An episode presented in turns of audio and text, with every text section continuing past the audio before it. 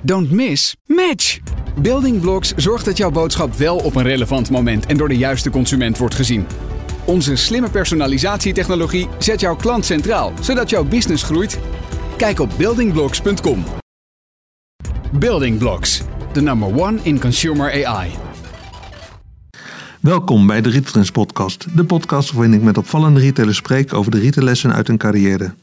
In deze podcast ga ik in gesprek met Wiebe Willig, managing director van de Henrich Willig Groep. Vooral bekend van de kaaswinkels Cheese More bij Henry Willig. Henry Willig heeft 23 winkels in Nederland en 3 in Duitsland en 2 in Oostenrijk. Daarnaast exporteert Henry Willig haar kazen naar uh, 70 landen wereldwijd. Ik ben Marcel ten Holte, oprichter en eigenaar van Rietrens Media.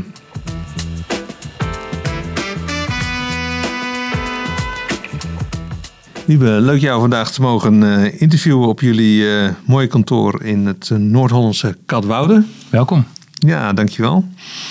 Ja, de naam Henry Willig Kaas zal wellicht niet bij alle luisteraars scherp op netvlies staan. Zou je hem even heel kort willen inleiden?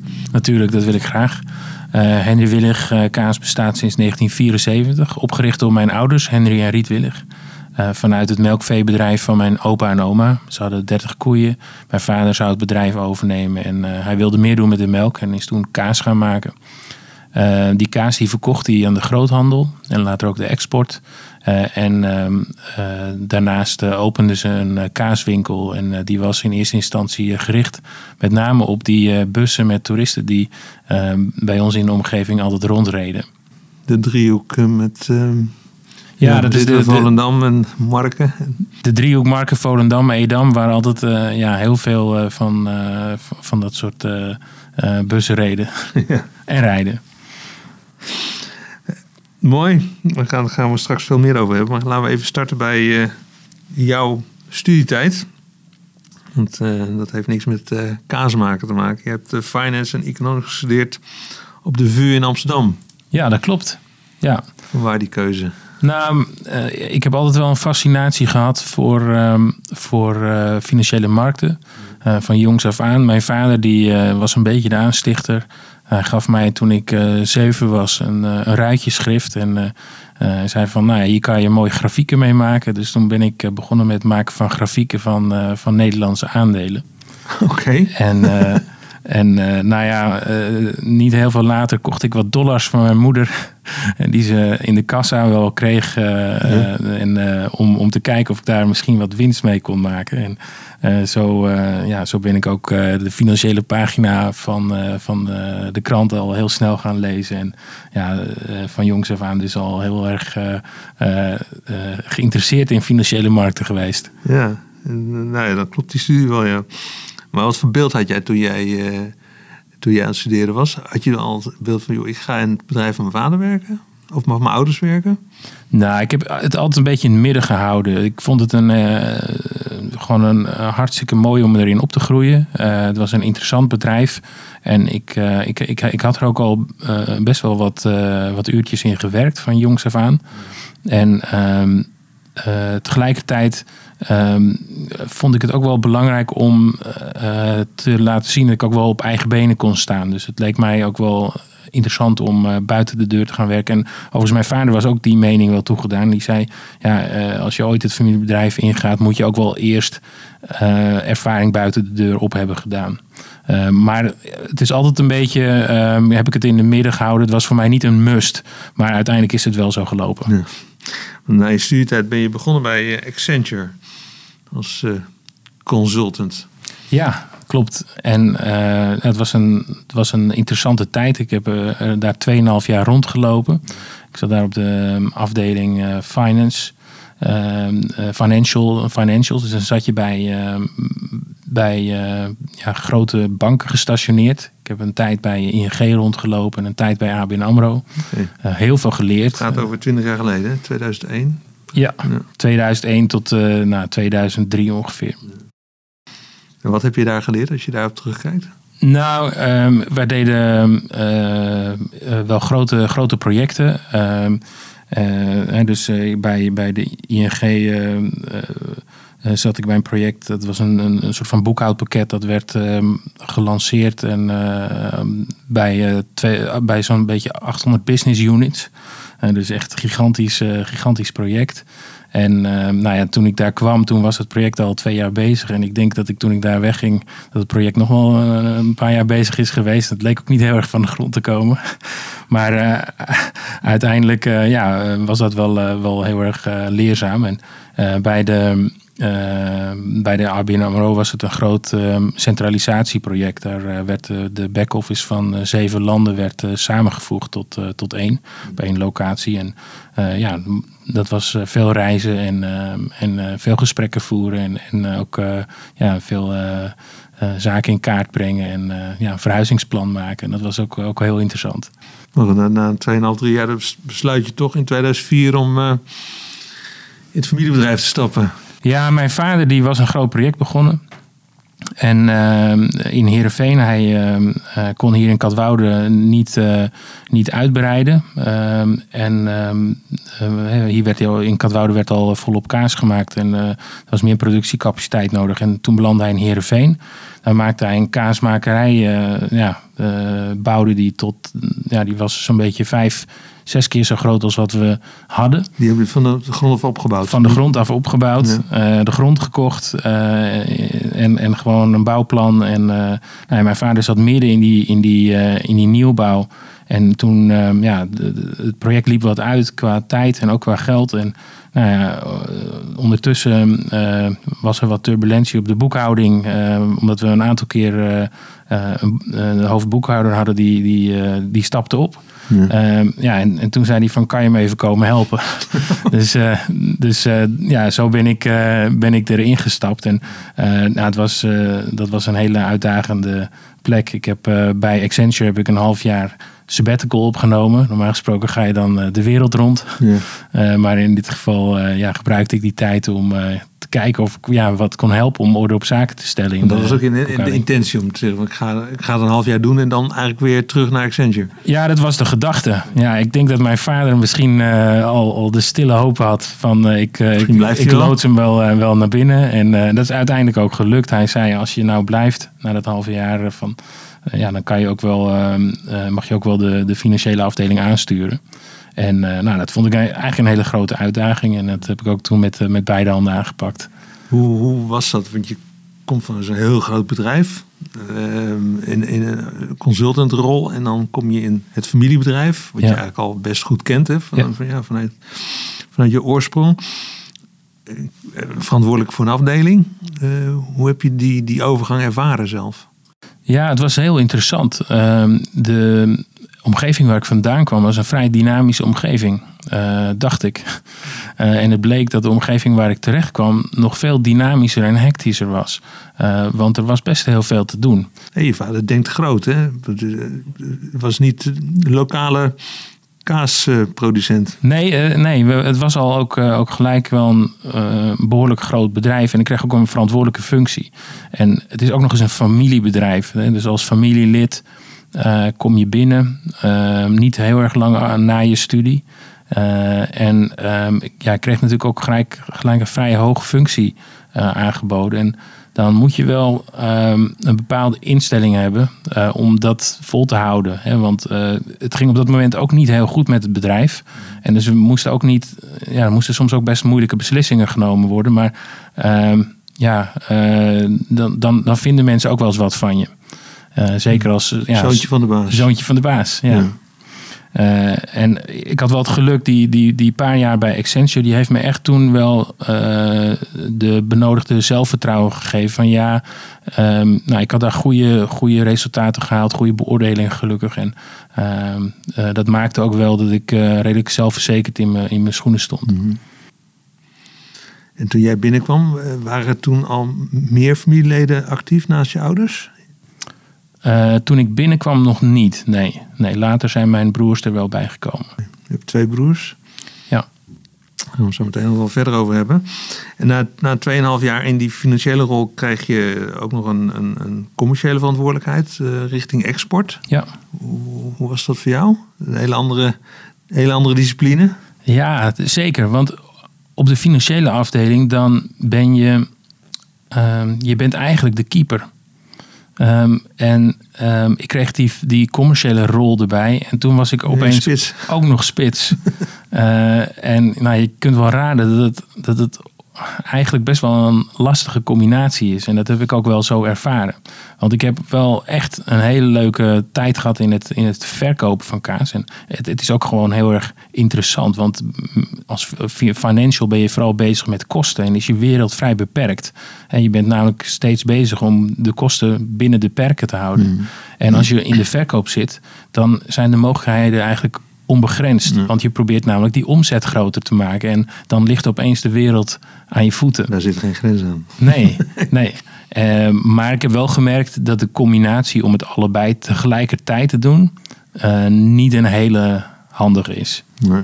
Dus ik ben daar op een gegeven moment ook weer mee gestopt. Ja. En dan, dan, maar goed, het was voor jou een hele nieuwe discipline, want je komt uit die financiële hoek. En ja, dat, dat, dat commerciële, dat zat dan toch wel in je waarschijnlijk. Ja, ja en ik, ik merkte ook wel dat als je een, ehm, eh, in de verkoop dat, dat, dat het echt niet alleen commercieel is. Het is echt niet alleen verkopen.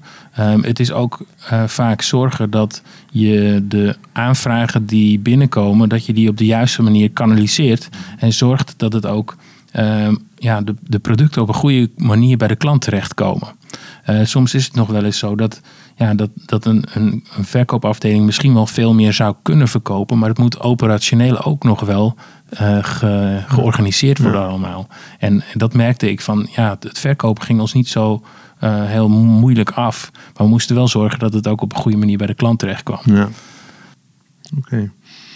Als jij nou terugkijkt naar, jou, eh, naar die, die tijd, hè, dat je verantwoordelijk werd voor die, die exportfunctie, eigenlijk, ja, zowel keeper als spits was.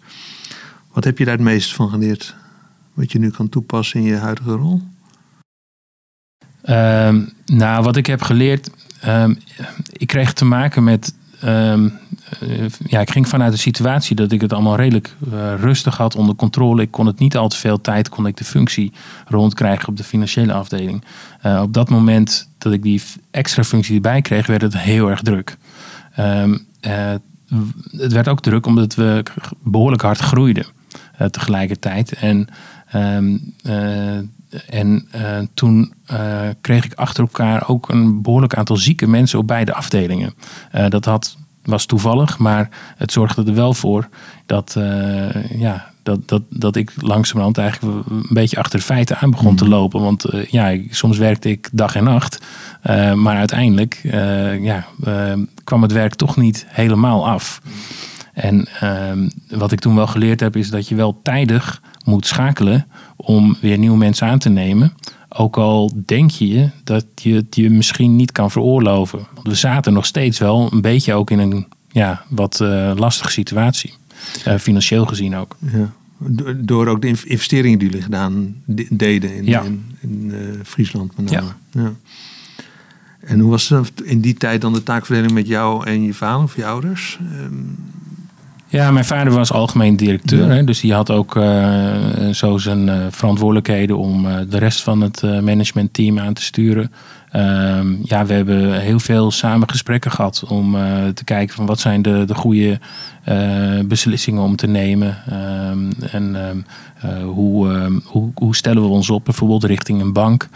Want zeker in die beginjaren, ja, het, het, het geld was op dat moment bij ons in het bedrijf behoorlijk schaars. Ehm, en eh, de bank die keek toch, ehm, ja, dan heb ik het over 2004, 2005. Ja, op een gegeven moment ehm, maakten ze zich ook wel een beetje zorgen van, nee, gaat dat wel goed? Nou, liquiditeit. ja, ja, en het betekent gewoon dat je ja, ook heel erg zorgvuldig moet zijn in je communicatie richting een bank. En ja, dat maakt ook nog wel, ja, als je tegelijkertijd ook eh, wat uitdaging hebt om je cijfers op een goede manier geproduceerd te krijgen, omdat het niet allemaal goed, eh, goed loopt op de afdeling, ja, dan, eh, dan is dat wel een uitdaging. Ja, vooral voor jou als eh, financiële man. Ja, ja, ja. En je zegt, eh, in die tijd groeiden we hard. Eh, Waar zat die groei toen in? In, in de winkels of in eh, export? De groei eh, zat op dat moment vooral in Heerenveen. Omdat we daar eh, hadden we die nieuwe kaasmakerij. Maar tegelijkertijd hadden we ook ehm, de verkoopafdeling daar geplaatst. En ehm, we begonnen daar letterlijk met een bezetting van 20 procent. Uh, en die bezetting die moest heel snel omhoog gebracht worden om, uh, om, om ervoor te zorgen dat we daar ook een situatie van winstgevendheid zouden realiseren. Uh, dus, dus daar was ook alle focus op dat moment op gericht. de winkels die draaiden ondertussen goed door. maar er was weinig focus om te kijken naar de mogelijkheden van expansie en dergelijke. Omdat we daar gewoon op dat moment echt de aandacht niet voor hadden. En dan in 2011, dan word jij algemeen directeur. Ja, is dat voor jou verrassend of was dat gepland? Of hoe moet ik dat zien? Nou, ik denk dat het een logische stap was op dat moment. We hadden een aantal jaar uh, achter de rug waar de financiële crisis aan de ene kant was aangebroken. Ja. Hè, 2008, 2009. Ja. Um, um, ja, wij hadden al een behoorlijk aantal jaar in een crisis gezeten. Maar in 2009 begon het bij ons een beetje te draaien. En toen kregen we ook wat kansen om in Amsterdam wat, wat nieuwe winkels te openen. En dat maakte dat, uh, dat het bij ons 2010, 2011 eigenlijk hele goede jaren waren. Dat kan niet iedereen zeggen, nee. Nee, nee. En ja, dat, dat was een geluk misschien. Uh, en misschien was het ook wel uh, het resultaat van ja, toch, toch wel zes, zeven jaar ploeteren. maar het was ons wel gelukt om het, om het lek boven te krijgen en om een goed winstgevend bedrijf uh, neer te zetten. En dat was het moment dat mijn vader ook zei van nou weet je, misschien is dit het moment dat ik ook het stokje moet overdragen, want het gaat nu goed. Uh, en de vooruitzichten zijn ook goed. Dus hij durfde dat met, uh, met vertrouwen ook over te geven. Ja, want dat is denk ik in zeker een familiebedrijf toch wel het, het, het moeilijke of het belangrijke moment. Dat stokje overdragen aan de volgende generatie. Ja. En was het kon je vader, ook echt loslaten op dat moment? Of hoe, ging hij daarin zitten en wat was zijn rol toen? Nou, er zijn denk ik heel veel familiebedrijven waar dat heel moeizaam gaat en waar dat heel um, uh, tot grote problemen leidt. En, um, en, ik, en ik moet daar alle credits voor aan mijn vader geven, want die heeft dat uh, fantastisch gedaan. Mijn vader die heeft de eerste drie of vier maanden dat, uh, uh, dat hij het stokje had overgegeven, maar heeft hij zich niet meer op kantoor laten zien. Okay. En uh, dat, dat, dat, ehm, dat was eigenlijk voor mij zo'n teken van vertrouwen. Ja. Uh, dat ik uh, ja, daar nog steeds heel erg blij om ben dat, ja, dat, dat hij dat gedaan heeft. Want het maakte gewoon dat ik ook ja, zelf uh, mijn eigen lijnen kon uitzetten en mijn eigen stappen kon nemen. En die waren misschien niet zo heel vreselijk anders dan wat mijn vader deed. Maar het was in ieder geval wel. wel het waren jouw stappen. Het waren wel mijn stappen, ja. ja. ja. Wat mooi. En ja, daarna, hoe hebben jullie want je zegt, uh, mijn broers zijn ook het bedrijf gekomen. Hoe, is nu de situatie? Ja, mijn broer die is er uh, op een gegeven moment bijgekomen. Die heeft voedingstechnologie gestudeerd, mijn jongste broer. Die ehm, heeft ehm, tijd op, de, op het bedrijfsbureau in Heerenveen gezeten. echt een beetje expeditiewerk. Ja. Toen maakte hij overstap naar de ICT. Hij heeft hij de ICT-afdeling, die hadden we eigenlijk nog niet, maar die heeft hij opgezet.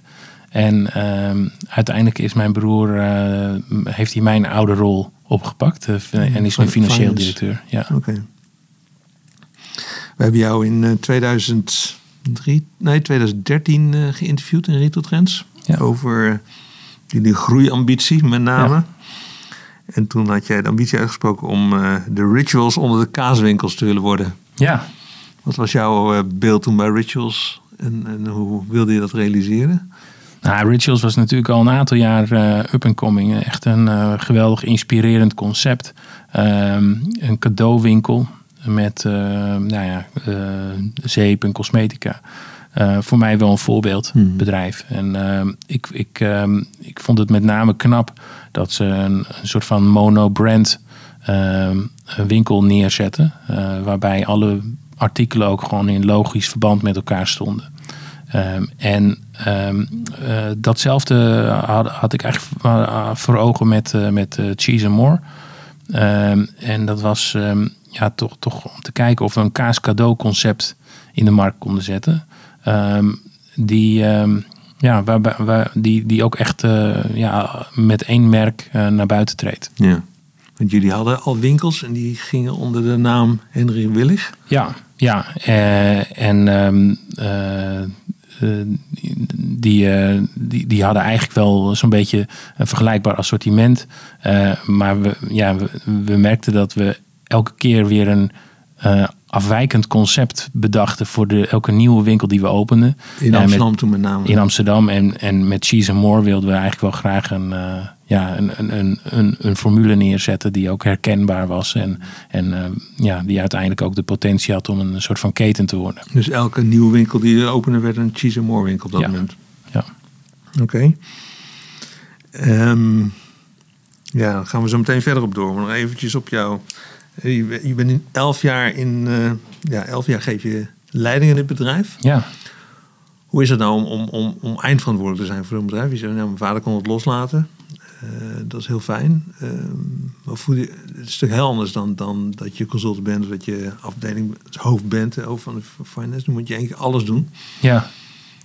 Hoe, heb jij, hoe ben je daarmee omgegaan? Um, nou, ik voelde me um, in mijn vorige rollen niet minder verantwoordelijk voor het bedrijf. Dus dat is niet heel erg veranderd. Um, en ik, uh, ik heb wel gemerkt dat met een andere rol um, je ook wat andere karaktereigenschappen naar boven komen. En dus in de finance rol was ik toch echt wel wat meer achter de komma en wat, uh, wat meer uh, op de kosten en wat meer uh, cijfermatig. Met je schriftje, met je ruitjeschriftje.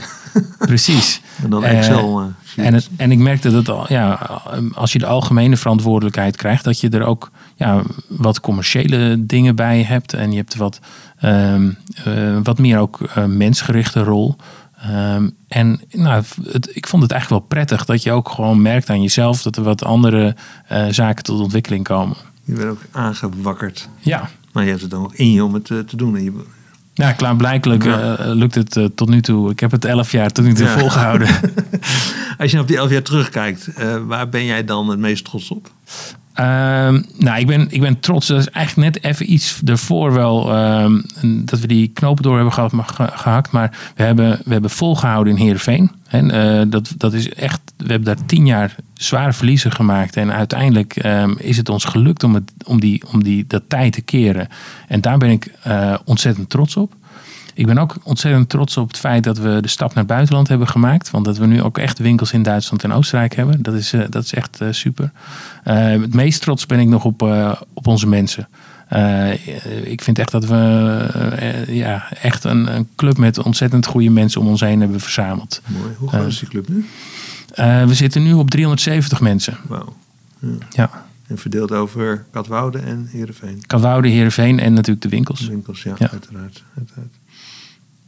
Als je kijkt naar, we hebben het over hè, retaillessen of, of, of levenslessen of managementlessen.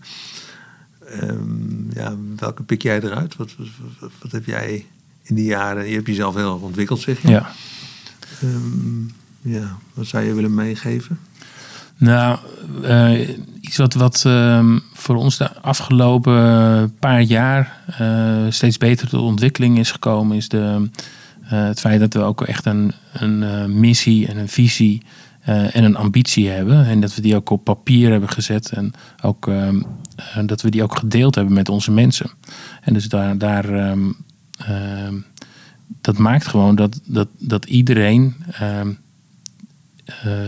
toegang heeft tot die, tot die informatie. Dus mm. mensen kunnen zich daar ook aan verbinden. Die, kunnen ook, die begrijpen ook van, oh ja, dit is waar het bedrijf naartoe wil. En die voelen zich daar ook um, mede verantwoordelijk voor. Dat heeft ons heel erg uh, geholpen. Dat was voorheen niet het geval? Uh, dat was voorheen minder het geval, omdat ja, je als ondernemer uh, heb je iets in je hoofd.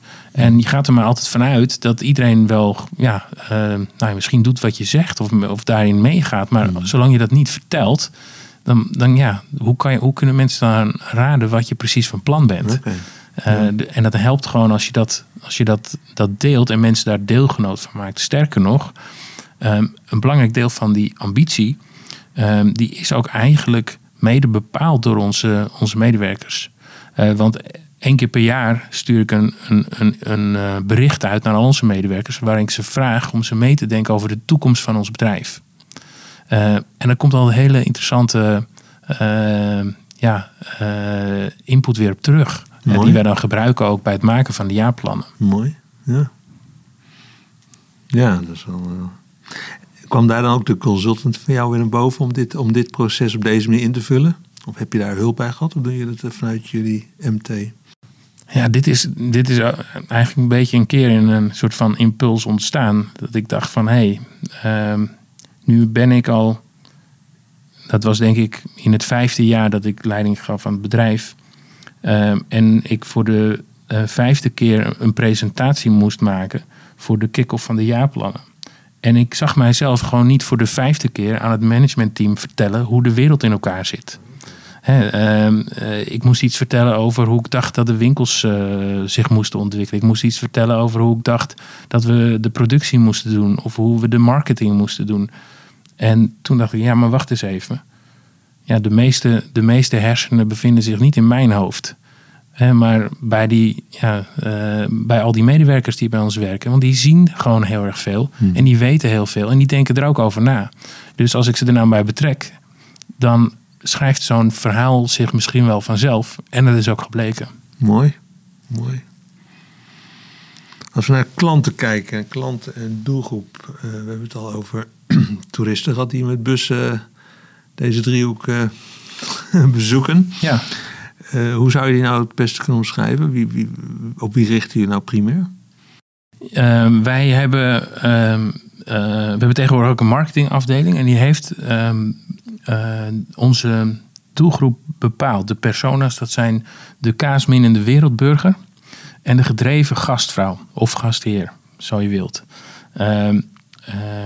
Maar het komt er eigenlijk op neer dat we als bedrijf groot geworden zijn met toeristische bezoekers. Ja. Um, en dat, heeft, dat, dat loopt ons misschien nog steeds wel eens een beetje in de weg bij het aantrekken van lokale klanten. En heel graag zouden we onze formules, onze winkels en onze producten zo doorontwikkelen ja. dat iedereen graag bij ons naar binnen stapt. Dat lukt wel steeds beter, maar er is nog wel een behoorlijke weg te gaan. En we zouden heel graag willen dat ja, uh, de buurtbewoners uh, ook, ook uh, hun cadeautjes, maar misschien ook wel hun kaasjes voor de borrelplank lekker bij ons in de winkel komen kopen. Want zit daar niet, want, hè, je hebt al ook in interviews al gezegd van ook voor je buitenlandse winkels, we willen niet te toeristisch zijn. Hè? We nee. willen een, een, een, een authenticiteit uitstralen. Ja. Want is dat daar dan ook niet het, het spanningsveld tussen de ene kant oh, dit is een, uh, een, een, winkel gericht op, de, op, om even plat te zeggen, die Chinezen. Ja. Um, dus ja, voor een souvenir is het leuk, maar voor de, het kaartje op de, voor de zaterdagavond is het, dan kom ik daar niet. Is dat, was dat een beetje het spanningsveld? Zeker, zeker. Ja, en ik, ik denk uiteindelijk wil een toerist ook iets echts. De, de, eerste keer dat je naar Parijs gaat, dan neem je zo'n Eiffeltorentje aan een, mm. aan een sleutelhanger mee. En de tweede keer, dan wil je gewoon wel iets echts. Ja. En dan sta je liever in een, in, een, in een winkel waar ook een lokale Parijzenaar zijn, uh, zijn aankopen doet. Dan in ja, de zoveelste, nou ja, noem het maar, toeristenwinkel. Ja. Want jij zei toen van we willen, uh, we gaan die winkels ook anders uh, inrichten en veel meer gefocust op eigen merk. Ja. Ehm, want wat, wat, helpt dat eigen merk dan bij uh, die authenticiteit? Is dat dan jullie om je oorsprong aan te geven waar het vandaan komt? Ja, dat, dat denk ik wel. En dat, dat doet het natuurlijk ook wel. Ja. Het hoofd van mijn vader staat er pontificaal op. dat is vader. ja, okay. En, uh, en natuurlijk de, ja, het jaartal van, van oprichting ja. 1974. Ja, gewoon, dat is waar we trots op zijn. Ja, ehm, ja dat, dat, dat geeft het weer.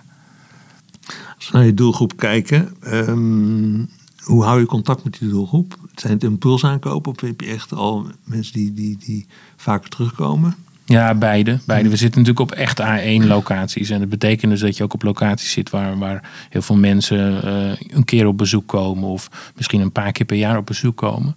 Uh, maar tegelijkertijd hebben we ook wel mensen die, die regelmatig terugkomen naar de winkels. Nou speelt er rondom uh, Connection Doelgroep Social Media een hele belangrijke rol. Wat doen jullie met social media? Wat is jullie ja, aanpak daarin?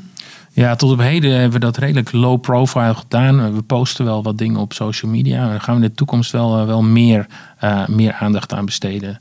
En uiteindelijk, uh, onze, onze, onze visie is de wereld inspireren met Henry Willigkaas. Nou, als we dat willen gaan doen, dan moeten we ook echt wel naar buiten treden met wat we, wat we te bieden hebben. en we hebben best veel ehm, te bieden met onze uitgebreide productenpakket, maar ook onze duurzaamheid en tegelijkertijd ook ja, de producten die we hebben. Ehm, uh, wat je er allemaal mee kan. Uh, je kan ermee koken, je kan er schitterende kaasplanken mee maken. En dat kunnen we ook allemaal vertellen. Ja. En dus we hebben heel veel te vertellen. En uh, we gaan in de toekomst ook meer samenwerkingen opzoeken met influencers. Die we ook ja, betrekken bij het, het, maken van dat soort mooie kaasplanken. Okay. zodat we ook ja, daar steeds meer bekendheid mee creëren. Ja. Ja, want je, jullie, jullie slogan, of slogan, maar je, rondom assortiment zeg je altijd alles op en rond de kaasplank. Dus ja. dat is best breed. Um, hoe ver zou je het assortiment nog kunnen oprekken? Ja, ik, dat, um, um, belangrijk is denk ik dat we, dat we zorgen dat, dat, dat eigenlijk het product, daar gaat het niet om. En dat die kaasplank en dat feestje wat je, wat je maakt, uh, dat feestje wat je wil geven, dat is eigenlijk waar je de oplossing voor zoekt. Mm -hmm. um, en ik denk als we daarop richten, hè, dus zeg maar, je gaat uh, mensen uitleggen van, van hoe, um, hoe, hoe zo'n hoe zo'n plank gemaakt wordt, dan is een logisch gevolg dat je daar bepaalde onderdelen voor nodig hebt. En die, en die leveren wij. Um, en dan is het misschien niet zo belangrijk hoe groot je assortiment is, maar wel dat je zo goed mogelijk uh, die oplossing kunt bieden. Ja. Um, maar dat gezegd hebbende, um, ik denk dat het wel, wel uh, dat we nog wel wat artikelen kunnen toevoegen aan, uh, aan dit soort aan dit assortiment. Waar, zou, waar denk je dan aan? Nou, bijvoorbeeld als je het hebt over de kaasplank. Uh, dan hebben we hele mooie kaasdips, hebben we inmiddels ontwikkeld. Um, maar um, die kaasdips, die moeten ook natuurlijk met iets op het kaasje worden uh, gelegd. Dus bijvoorbeeld uh, mooie sauslepeltjes. Of uh, ja, zo kun je wel eindeloos ehm, doorbedenken van wat, wat, wat nog allemaal bij dat feestje hoort. Ja, ja. En we hadden het net al over eigen merk. waar, tot waar welke productgroepen hou je je eigen merk? Is dat alleen de kazen of is dat breder dan dat? Uh, we hebben het eigen merk in principe voor alle producten in de winkel die we in de winkel verkopen, hebben we uh, uh, het eigen merk voor bedacht. Dus we voeren in de winkel geen andere merken dan het Henry Willig merk. Ja, oké. En de winkels zelf, um, ja, jullie zijn heel dominant in Amsterdam. Daar struiken bijna over, over, ja. over over uh, de cheese and more. En toch heb je, wat je ook al in de intro zei, uh, er zijn meerdere formules. Uh, kun je deze meer over zeggen, hoe, hoe dat zich verhoudt tot elkaar? Ja, we zijn begonnen met, met, zoals ik al zei, elke keer een ander concept. Uh, tot op een zeker moment we dachten van nou, nu willen we eigenlijk een, een formule maken. Zodat ook ja, een bepaalde mate van herkenbaarheid krijgt. En daar is Cheese and More geboren. Um, en um, toen hebben we een aantal Cheesemore winkels in Amsterdam neergezet. Maar toen hadden we nog de oude winkels onder de, ja, de, de oude concepten. Uh, en die zijn gebleven. Want we merkten op een gegeven moment ook wel dat het misschien niet verstandig was om te veel Cheesemore winkels in Amsterdam te hebben. Ja.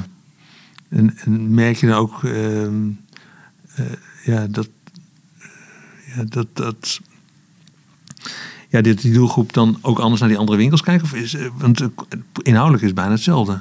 Ja, um, op accenten verschilt het, ja. uh, verschilt het wel. Maar um, uh, ik, ik denk dat het, dat, het, dat het wel zo is dat qua um, uitstraling uh, zit het wel behoorlijke verschillen. En het kan wel zijn dat de ene persoon zich prettiger voelt in de ene winkelomgeving dan in de andere. Dus is allemaal op A1-locaties? Ja.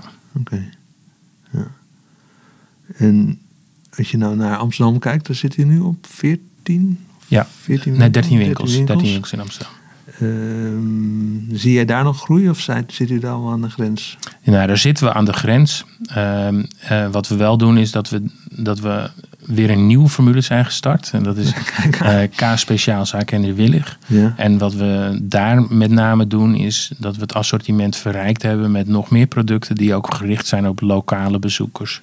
En is dat dan ook een formule die meer naar de ja, andere locaties binnen bijvoorbeeld Amsterdam gaan? Dus is het meer de wijken in? Ja, op termijn, op termijn mogelijk wel. En dat gaan we eerst testen. We hebben op Damrak hebben we zo'n winkel geopend en we gaan uh, onze Leidse straatvestiging daar uh, naar ombouwen. Uh, en daar hebben we, heb je ook echt de, de, de, alle kaas van het mes, de buitenlandse kaasjes, nootjes en ook diverse wijnen. Gewoon eigenlijk alles om ja, een gezellig avondje van te maken. Ja, maar echt, echt voor lokale bewoners eigenlijk. Ja, lokale bewoners. Ja. Zeker. Ja.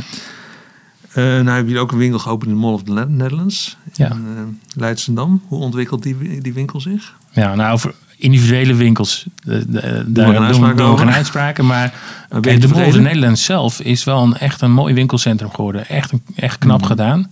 Um, ook, ook wel gedurfd in deze tijd.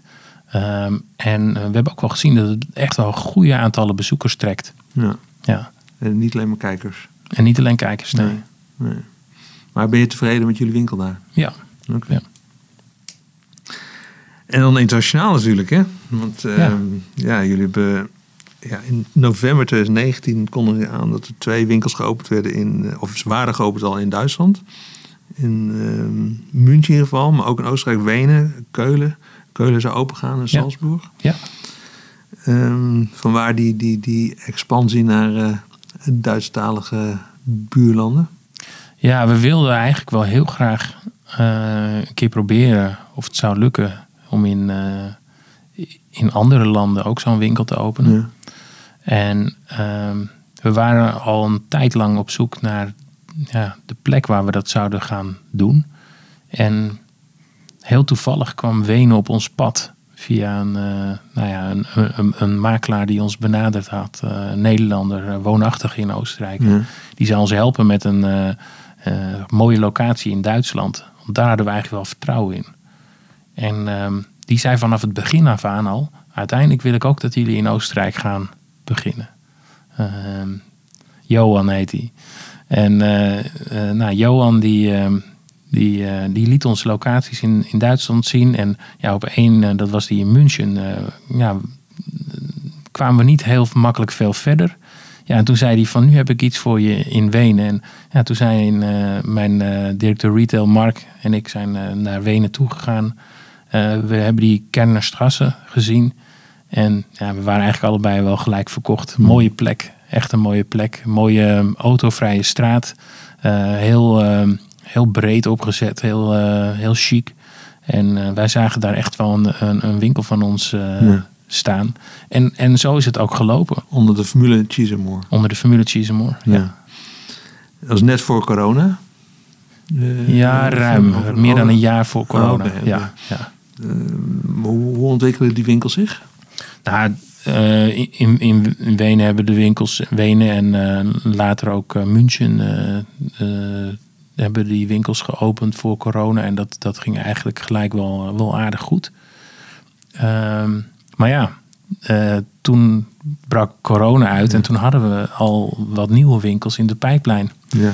Dus uiteindelijk is uh, Keulen en uh, Keulen nog vlak voor corona geopend. En ehm, Salzburg midden in de coronapandemie. Oké, okay, je bent wel doorgegaan. Ja, ja. ja. en, en vorige week hebben we nog Münster geopend twee weken geleden, sorry, uh, in Münster geopend. Dus we zitten nu op vijf in het ja, buitenland. Mooi. En, en uh, waarom uh, Duitsland, Oostenrijk? Niet bijvoorbeeld waar heel veel Nederlandse retailers naartoe gaan, België. Zijn, waren Duitsers al jullie primaire klanten in Nederland? Ja, um, er kwamen, kwamen natuurlijk komen elk jaar heel veel Duitse bezoekers naar Nederland. En uh, ja, die wisten onze winkels ook altijd wel goed te vinden. Dus het leek ons wel een goed idee om ook in Duitsland te kijken. Ja. Um, maar misschien is België ook gewoon wel een interessante plek. Ja.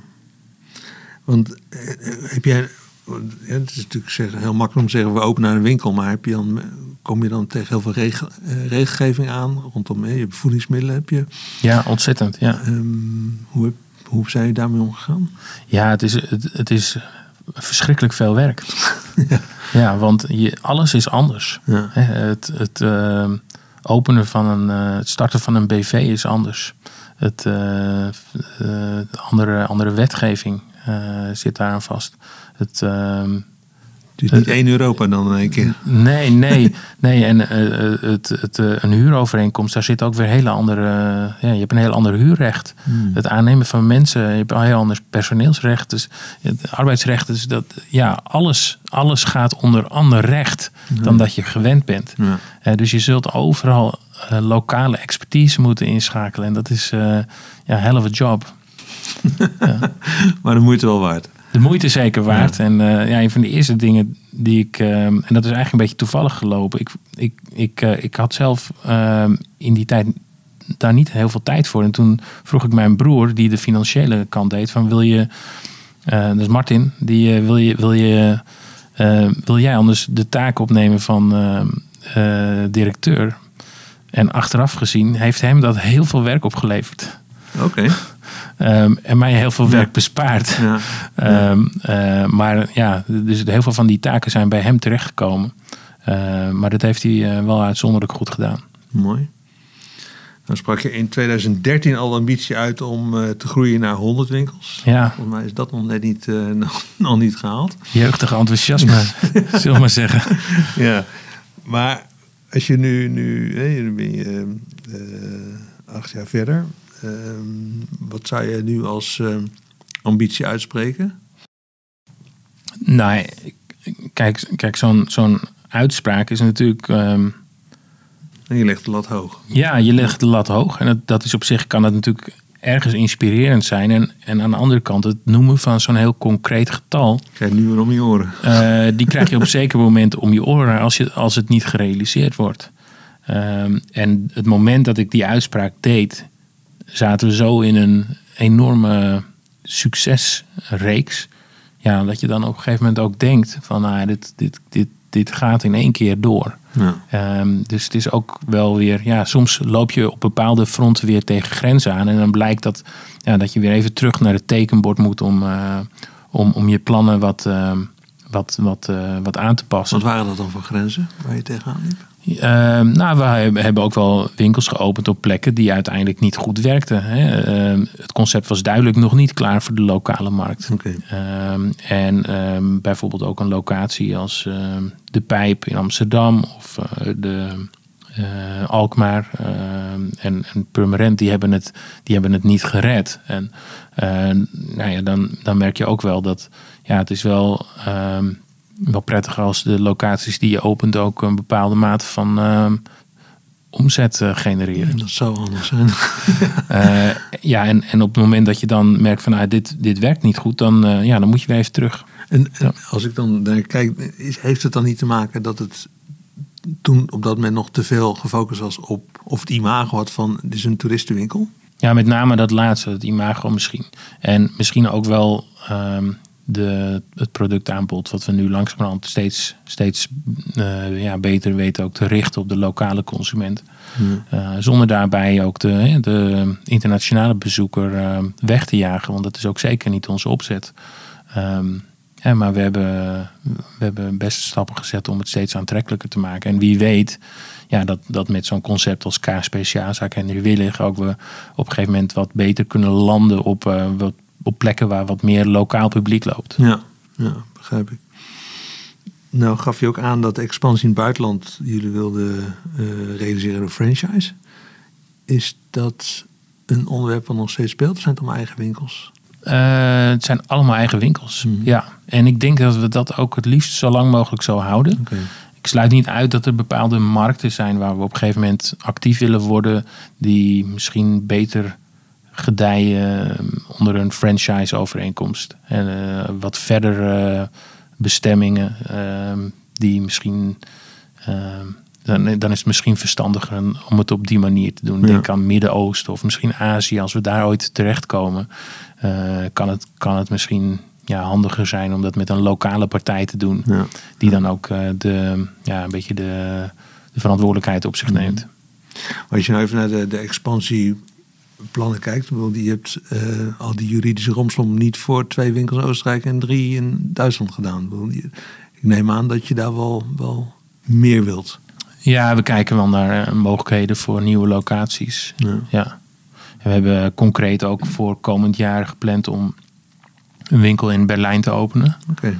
Uh, ja, en vanwege corona uh, hebben we de tempo natuurlijk wat, uh, wat omlaag gebracht. Dat snap ik, ja. Als we naar medewerkers kijken, um, met name in de winkels. Uh, op dit moment is er een behoorlijke schaarste op de arbeidsmarkt. hoe, hoe treft dat jullie? Uh, ja, we hebben het aantal medewerkers gedurende de crisis wat behoorlijk afgebouwd. Mm -hmm. We zaten op 520 en we zitten nu op 370. Mm -hmm. Dus het, het, aantal is wel behoorlijk naar beneden gebracht. Dat is met name, met name winkelpersoneel. Ja, met name winkelpersoneel. en dat is niet met, met gedwongen ontslagen gegaan, maar meer met natuurlijk verloop. en nou, dat is ook goed geweest voor de nou ja, de, de, de, de, de omzetdaling die we daardoor uh, ook hebben gezien. Um, uh, en, en, maar we merken nu alweer dat de, de, de markten enigszins aan het herstellen zijn. En ook met, met de, de nieuwe winkels die we hebben, dat we toch ook wel weer nieuwe mensen nodig hebben. Hmm. Uh, en dat lukt gelukkig tot nu toe heel, heel goed om mensen te krijgen. Uh, hoewel we wel, we wel merken dat het, de toestroom wel, wel kleiner is geworden. Ja, ja. ja. ja want het zal nog niet zo, zo, zo De toeristenstroom is er nog niet echt, of zie ik dat verkeerd? Hij is uh, we, we, tot aan oktober heel goed hersteld. En uh, nu met de oplevende aantallen van corona zien we dat, uh, dat, dat ja, de omzet toch alweer wat teruggevallen is. Ja. Maar hij, hij, is niet meer zo ver teruggevallen als dat hij was teruggevallen. Ja.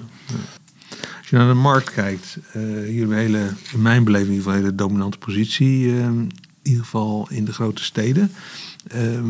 wie beschouw jij nou als concurrent? Zijn dat de andere, zijn dat de andere cadeauachtige winkels of is het echt op jullie vakgebied kaas? Ja, uh, ik denk als je het. Uh, in Amsterdam zitten natuurlijk een aantal uh, in het centrum. Uh, dat, dat zijn de, de Old Amsterdam en de Amsterdam Cheese Company winkels. Die, die er toch meer dan één hebben. Die hebben er vier of vijf. Ehm, en ehm, eh, ja, ik- ja ik, ik denk ook niet zo heel erg ehm, in termen van concurrentie. Want ehm, ja, je- je- die, die focus altijd maar op concurrentie, dat, eh, dat brengt je ook niet zo heel erg veel. Het is gewoon belangrijk dat je je eigen ding blijft doen. En eh, ook eh, zelf ehm, producten blijft ontwikkelen. En niet de hele tijd maar naar concurrenten kijken. Want dat, Dan kijken ze naar jullie. ja, dat denk ik wel. Oké. ja, ja, Ja. ja. Dat Dus, merk je aan de manier waarop Ja. winkels ingericht, product, assortiment. Nou ja, en ook locatiekeuze. Want eh, wat we in Amsterdam hebben gedaan, dat was er nog niet. En eh daar kwam wel eh, behoorlijk wat navolging eh, natuurlijk. Dat geeft ook niet, want het laat ook zien dat je op een goede, goede weg goed zit. doet. Ja. Ja. Rondom e-commerce. Ehm, ja, jullie, jullie exporteren naar, naar, naar 70 landen wereldwijd. Gaat dat via jullie eigen site allemaal? Hoe, hoe werkt dat? Zit je op andere platforms ook? Ja, we moeten wel even onderscheid maken. We hebben de, de, de, de webshop. Hè, dus, eh, maar daar, die gaat naar eh, zo'n 70 landen sturen pakketjes. Ja. Eh, en dan hebben we ook nog onze exportafdeling. En die stuurt nou ja, naar zakelijke klanten. eh, nou ja, soms volle containers of vrachtauto's of soms pallets. Dat is echt een Eh, groothandelsfunctie. Ja, groothandelsfunctie. En die stuurt naar zo'n zo'n 40 landen die producten. Ja. En, en ehm, ben je dan bijvoorbeeld ook actief op een eh, Amazon of op, op andere platforms? Ja, ja we, zijn wat, ehm, eh, wat, wat activiteiten gestart op Amazon en eh, onlangs ook op bol.com. Dat staat nog wel enigszins in de kinderschoenen voor ons. Maar ehm, nou ja, we, we vonden het toch wel eh, slim om daar in ieder geval eh, wat ervaring in op te doen. Ja. En hoe groot dat voor ons gaat worden, dat is eh, uiteindelijk de vraag. En de Aziatische markt, is dat voor jullie een, een, groep waar je, of, of een regio waar je naar kijkt? Ja, maar het is, ik vind het niet de meest interessante markt.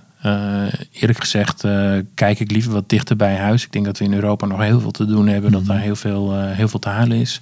Eh, maar ook in eh, Noord-Amerika is, eh, is echt voor ons een interessante markt weggelegd. Mooi.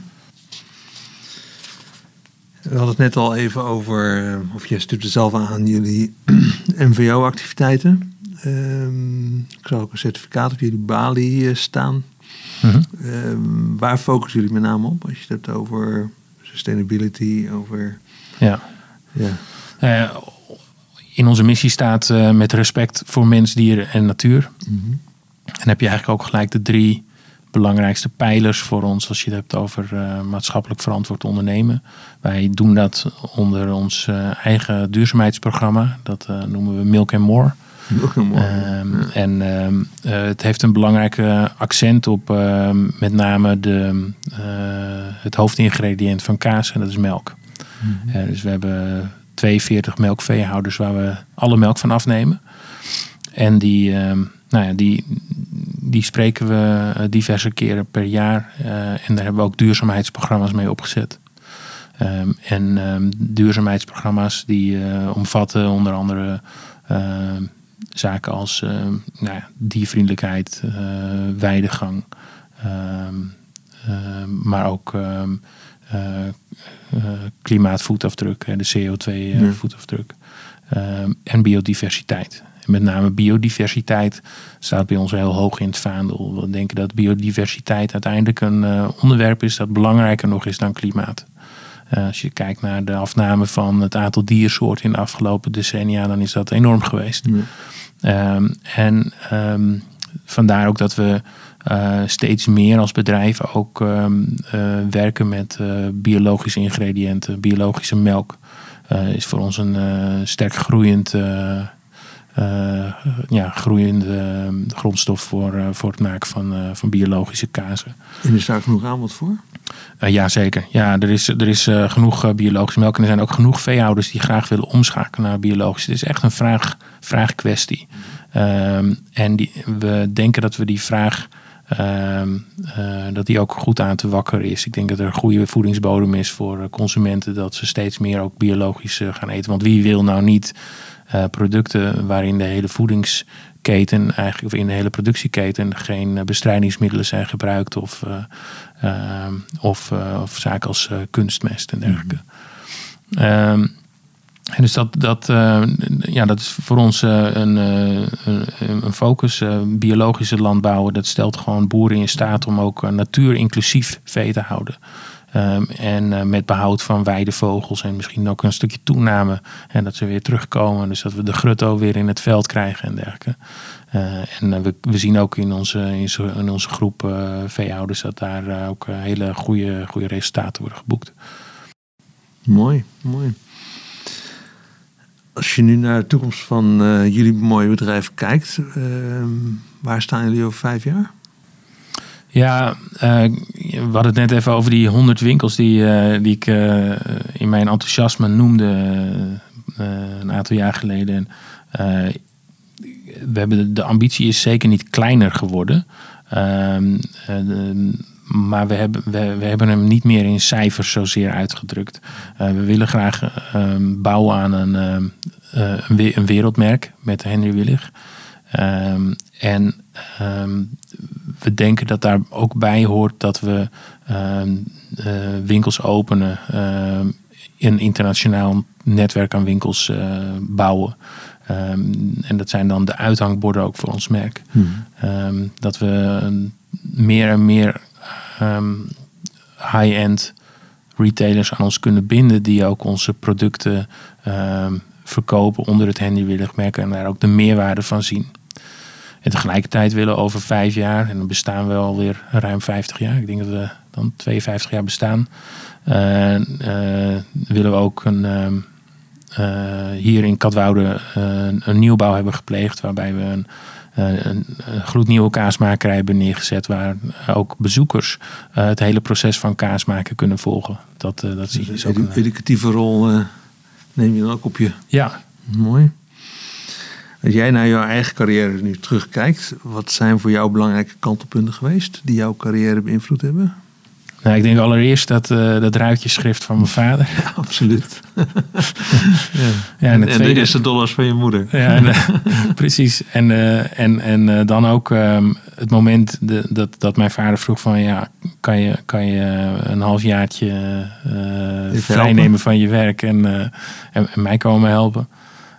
dat, heeft, dat is voor mij echt een belangrijk kantelpunt geweest. Ik denk dat voor ons bedrijf een belangrijk kantelpunt ook wel is geweest. De, de financiële crisis in 2009, die voor ons het moment was dat wij onze interne operationele crisis achter ons konden laten en ook echt de vleugels konden uitslaan. Ehm, en ik denk dat een nieuw kantelpunt uh, corona is. Uh, ja, dat heeft voor ons toch ook echt wel uh, ja, de, de nodige nou ja, nieuwe inzichten opgeleverd. maar ook wel ja, behoorlijk wat, ehm, wat impact gehad. Ja, snap ik. Ja.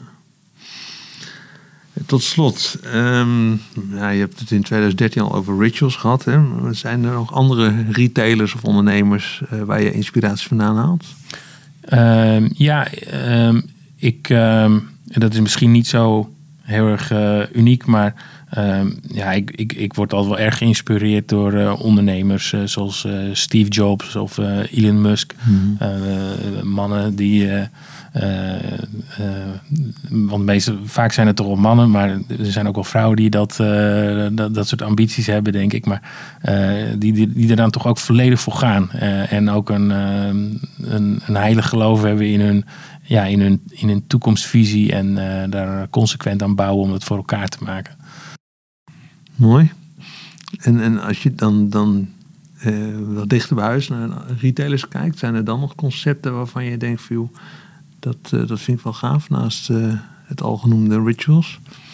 Um, ja, ik, ik, de laatste jaren vind ik eigenlijk een collega van Rituals, Lush, vind ik ook wel een heel interessant concept. Met name ook omdat ze uh, wat meer op de, op de duurzaamheid zitten en de, zoveel mogelijk de verpakkingen er proberen uit te krijgen. En, um, en je ziet ook dat het een enorme fanbase heeft opgeleverd. De, toch wel een bepaalde positionering in de markt die ze hebben, hebben ingenomen. En vind ik wel een, eigenlijk ook wel een heel uh, inspirerend concept. Mooi. Dankjewel, Wiebe, voor jouw uh, bijdrage aan de Retailtrends podcast met jouw retaillessen. Graag gedaan. Mooi verhaal, mooi familieverhaal. Aan alle luisteraars van deze podcast, dankjewel voor het luisteren. abonneer je nu op de Retailtrends podcast en luister naar de retaillessen van opvallende retailers. Kijk voor meer informatie op retailtrends.nl. Dankjewel. Graag gedaan.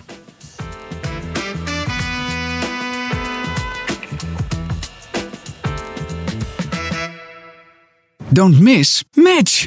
Building Blocks zorgt dat jouw boodschap wel op een relevant moment en door de juiste consument wordt gezien. Onze slimme personalisatietechnologie zet jouw klant centraal, zodat jouw business groeit. Kijk op buildingblocks.com. Building Blocks, the number one in consumer AI.